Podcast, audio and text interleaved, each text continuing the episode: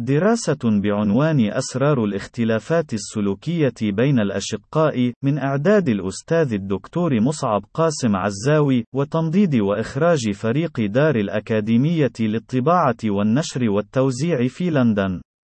يحير الكثير من البشر وخاصة الآباء والأمهات ذلك الاختلاف القائم بين الأشقاء، إذ أنهم في الواقع يرثون مورثاتهم من والديهم بنفس الطريقة، ويعيشون وينشأون ويتربون بنفس الطريقة وعلى نهج نفس الوالدين، مما قد يقتضي من الناحية المنطقية معدلا من التشابه السلوكي بين أي اثنين منهما أكثر مما هو مشاهد في حيواتنا اليومية.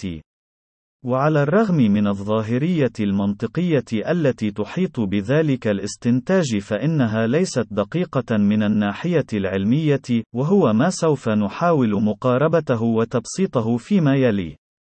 الدور الوراثي في تشكيل السمات النفسية والعقلية للبشر، يرث كل جنين وقت تخلقه من تلاقح البويضة الأمومية والنطفة الأبوية 23 صبغيا من كل من والديه، وباجتماع تلك المجموعتين الصبغيتين تتشكل الخلية الإلقاحية الأولى التي تحتوي على 46 صبغيا، والتي بانقساماتها المتوالية يتكامل الجنين في طريقه لأن يصبح إنسانا متكاملا في قابل الأيام تحتوي كل من خلاياه على 46 صبغياً. وذلك التوصيف يقتضي منطقيا الالتفات إلى الحقيقة بأن الجنين وقت تخلقه يرث 23 صبغيا من الأب و 23 صبغيا من الأم وهي نصف الحمولة الصبغية في كل من خلايا الأب والأم في أي من أعضاء جسدهما باستثناء الأمشاج أي النطاف الأبوية والبويضات الأمومية. وهو ما يعني من الناحية الرياضية الاحتمالية أن يرث أي طفل لهذين الأبوين 23 صبغيا من والده تختلف عن ال 23 صبغيا التي ورثها شقيقه من والده أيضا الذي يمتلك 46 صبغيا يتم الاختيار منها بشكل عشوائي لل 23 صبغيا، والتي سوف يتم توريثها لأي من أبنائه وقت الإلقاح. ونفس التوصيف صحيح بالنسبة للوراثة من الأم أيضًا. وهو ما يعني بأن أي طفل يتشارك وسطيا مع أي شقيق له بما يتراوح وسطيا حول 50% من الحمولة الوراثية مع احتمال أن يقل ذلك إلى نسبة أقل من ذلك بكثير أو يزيد عنها حسب مجموعة الصبغيات الثلاثة وعشرون التي تم اختيارها عشوائيا من الأب والأم وتطابقها فيما بين هذين الشقيقين.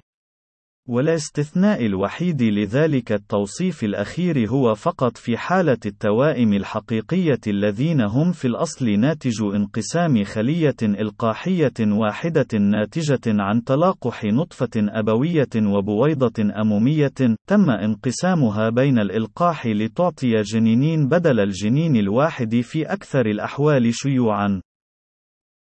بالإضافة إلى ذلك فإن عملية الإلقاح ليست عملية ميكانيكية محضة يتم فيها وراثة الصبغيات كتلة واحدة كما هي دون أي تغيير فيها، وإنما عملية معقدة تختلط فيها صبغيات الأب والأم بشكل يعيد ترتيب المورثات ومواقعها على كل صبغي ويسقط بعضا منها، ويعيد تشكيل بعض منها فيما يدعى الطفرات السليمة والتي قد تغير بشكل يتراوح بين البسيط أو الجذري لطبيعة فعل تلك المورثة حسب مستوى إعادة تشكيلها خلال علمية اختلاط الصبغيات والتي قد تؤدي في بعض الأحيان إلى تغييرات كبيرة ينتج عنها مرض أو عدة أمراض ناجمة عن خلل وراثي لدى الطفل دون أن تكون مرضا موجودا بشكل مسبق لدى الأب أو الأم وتدعى حينئذ بالطفرة المرضية.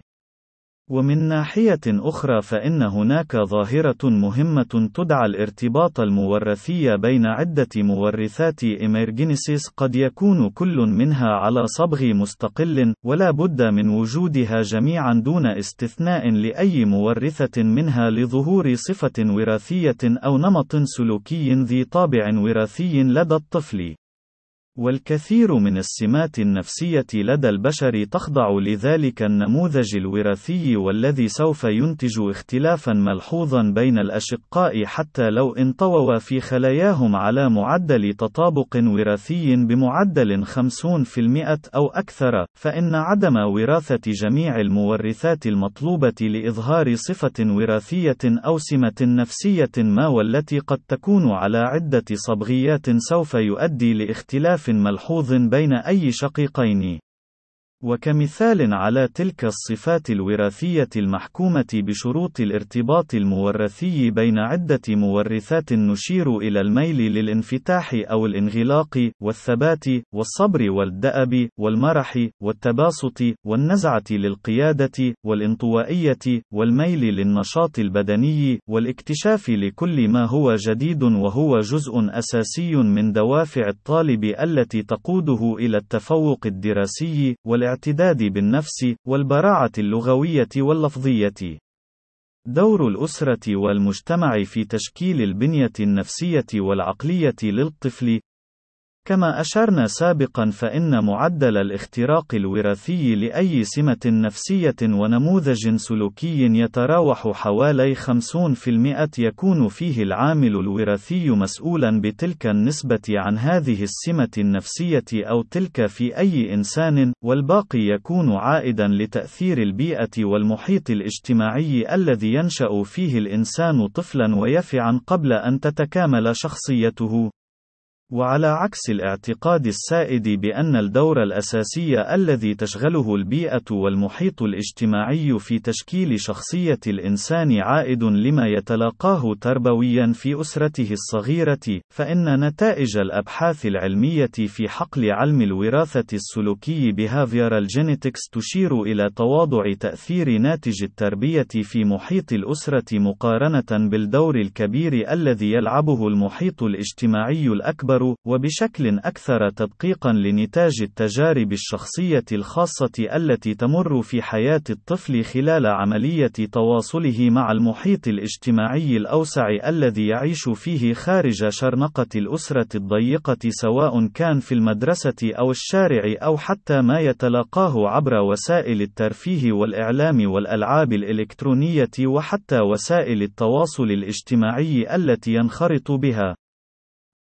وفي الواقع فإن لذلك التفارق ميزة تطورية فائقة في تعزيز قدرة جنس البشر في رحلته التطورية التي امتدت على سبعة ملايين من السنين على من حفظ نوعهم من الانقراض وتعزيز فرصهم في البقاء ونقل مورثاتهم إلى الأجيال اللاحقة من بعدهم، وتتمثل تلك الميزة بأن الإنسان الأكثر قدرة على التكيف مع شروط حياته وظروفها البيئية هو الإنسان الذي يتعلم من تجاربه بشكل حاذق دون أن يبقى متمرسا فيما تعلمه من أبويه أو أفراد أسرته الأكبر منه لاحتمال عدم كفاءة وصفاتهم في معالجة المشاكل والعقبات الناجمة عن تغير الظروف البيئية واحتمالاتها المعقدة التي يوجهها كل فرد بعينه بشكل فريد خلال سيرورة حياته، وهو ما كانت الحال عليه عليه بشكل شبه مطلق خلال رحلة البشر التطورية التي لا تمثل المرحلة المدنية الراهنة إلا ما قد يقصر عن لمحة عين خاطفة في تلك الرحلة التطورية الطويلة والمعقدة.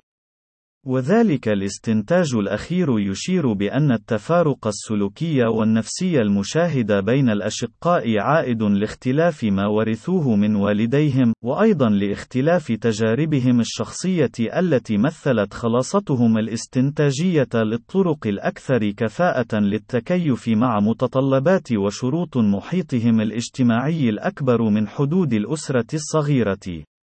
ظاهرة المورثات ذات الوجوه المتعددة هناك العديد من المورثات التي تساهم في صياغة وتشكيل النمط السلوكي لدى الإنسان والتي لكل منها عدة أنماط فرعية لا تغير من وظيفة المورثة بشكل عام وإنما تغير مستوى استجابتها عند تغير الظروف البيئية التي تحيط بالعضوية الموجودة فيها. وكمثال على ذلك نشير إلى مورثة شائعة للناقل العصبي السيروتونين والتي لها نمطان لا يختلفان فيما ينتجانه في الأحوال الاعتيادية من سيروتونين في الدماغ.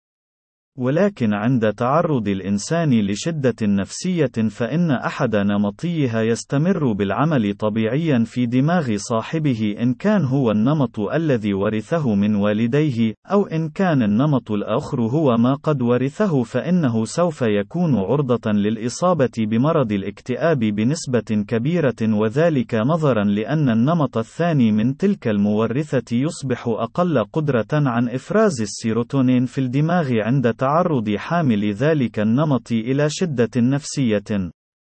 دور الأسرة التربوي الحقيقي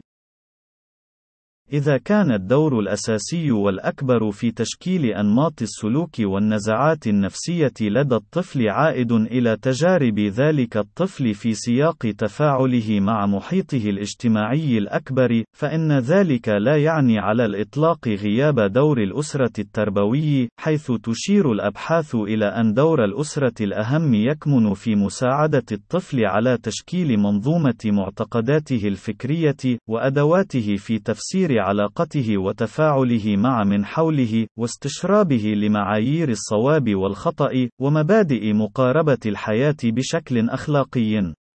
وهي معادلة مرهفة قد تقتضي إعادة صياغة أهداف الأسرة التربوية من مطالبة الطفل بالسير على خطى والديه سلوكيا إلى محاولة تمكين الطفل من مفاتيح تقييم سلوكه الذاتي وسلوك الآخرين وكل تفاعلاته مع محيطه الاجتماعي بشكل عاقل يمكنه من تحليل نتائج استخلاصاته من تجاربه الشخصية في سياق تلك التفاعلات بشكل أكثر فائدة وعمقا ويضعه على طريق الوصول إلى الاستنتاجات الصحيحة بذاته بدل أن يتم تلقينه ما يجب أن يقوم به في كل آن وحين.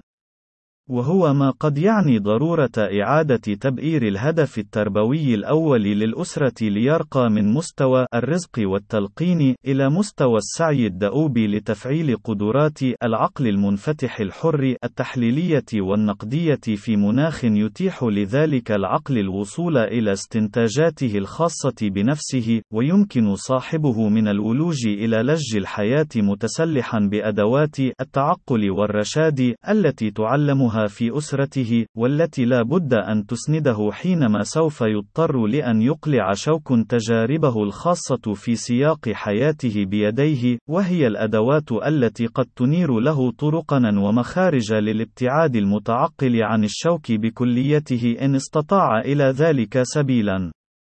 وذلك الطرح قد يقتضي إعادة تعريف الدور التربوي لكل أم أو أب من أن يكون المثل الأعلى الذي لا بد من السير على نهجه واتباع نصائحه وتوجيهاته بحذافيرها، ليكون معلم التفكير الحر القادر على تقييم سلوك ذاته وسلوك الآخرين ونتائج كل منها وتحليلها وفرز الغث عن السمين منها، وبشكل تصبح فيه العقلنة والاستبصار أهم ما قد يستبطنه الطفل من والديه حتى لو لم يرثها منهما.